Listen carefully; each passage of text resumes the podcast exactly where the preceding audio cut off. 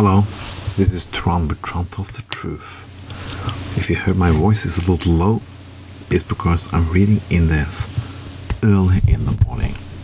One of these mornings, I can't sleep. Well, why can't I sleep, you ask? Because this segment called Tron Tells the Truth have had consequences. For the first time in six years I'm doing this part segments, is having consequences for it. People ask me if I can represent them when I'm doing this.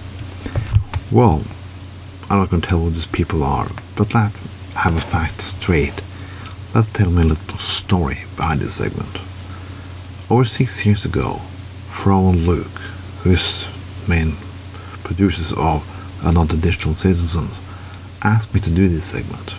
They wanted uh, something to break in the show, like a segment, like 60 minutes of Andy Rooney. I respect for Andy Rooney, but I was not an Andy Rooney type. I just created a devil version of myself and became a little something different. What I do, Tron tell the truth, is serious and humor all in one. I think politics need more humor and I the humor need more politics. When I grew up, I remember first time I saw a stand-up show. It was totally out of limits. It was Eddie Murphy. And later than that, I saw Chris Rock. But I wanted more politics in it. And Chris Rock was politics. I saw George Carlin, and I was hooked. I saw Bill Hicks. Holy shit. It was great. I was never anything like them. I cannot be like them because I have no their level. But I got this segment, I fulfilled a little dream. I it was for fun. I got some fun and giggles by doing it, but I never thought it's gonna be having big consequences. And some people ask me if I'm serious and I can represent them. They come in the accusation what I think and not think, and who I am and who I'm not I am. This is politics with humor. I had this devil-looking character because I'm gonna put pain things on the edge. I'm gonna ask hard questions. I'm gonna make fun a little about what I'm doing and what I'm not doing. It's humor with politics, or politics with humor if you like to call it. I thought it was accepted. I've done for six years. Some people laugh, I think it's funny and okay, and somebody don't. I never step down on people, but I'm kicking up. Yeah. I take the people on top, not people who's walking down society. That's been the main thing.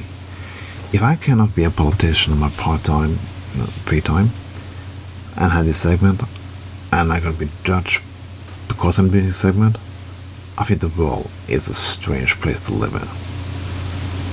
A very strange thing to live in. Is it possible to laugh anymore? Is it possible to say something is not always correct?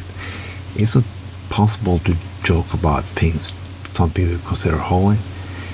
If I make f- fun of some political opinions, is that okay? Or is not okay? I always accept that people make fun of this segment or make fun of me as long as it for some limits, but now I found out that people who are radical or on both sides, on people on the left and people on the right, have stopped laughing, stopped having humor. Everything should be fucking correct. Everyone should wear a beautiful suit and tie, be like fucking Sunday school angels. Oh god that can the humorous people things in, in again. You don't take it too seriously, don't you? Or do you? It must be possible to do something different, to be a little different, to ask some serious questions. But when I've done this segment, I found out lately that it isn't. I haven't slept tonight, and I'm looking not forward to the day is coming. Because this bothers me. It's bothering me in this segment. and another podcast I have, I've been going on for over 12 years, now suddenly has become a problem. I've been working hard in politics for years. I do segments like this and podcasts who's little on the edge because I have a hard job who nobody other people nearly have. People need to laugh, relax, take up a beer or wine or everything's make you ticky and have some fun and laugh and giggle sometimes. Some politicians in the society always ask, why not I'm getting elected? Why not people, more people believe in us? We're standing for all the right things. We all, the science is telling us what we do and should not do and so on. Because you just want everything to be like you. Just like you. You talk about diversity, we also will be different, but when it comes down, you don't really mean it. You just want everybody to say the correct things, do the correct things, and act and dress in the correct way.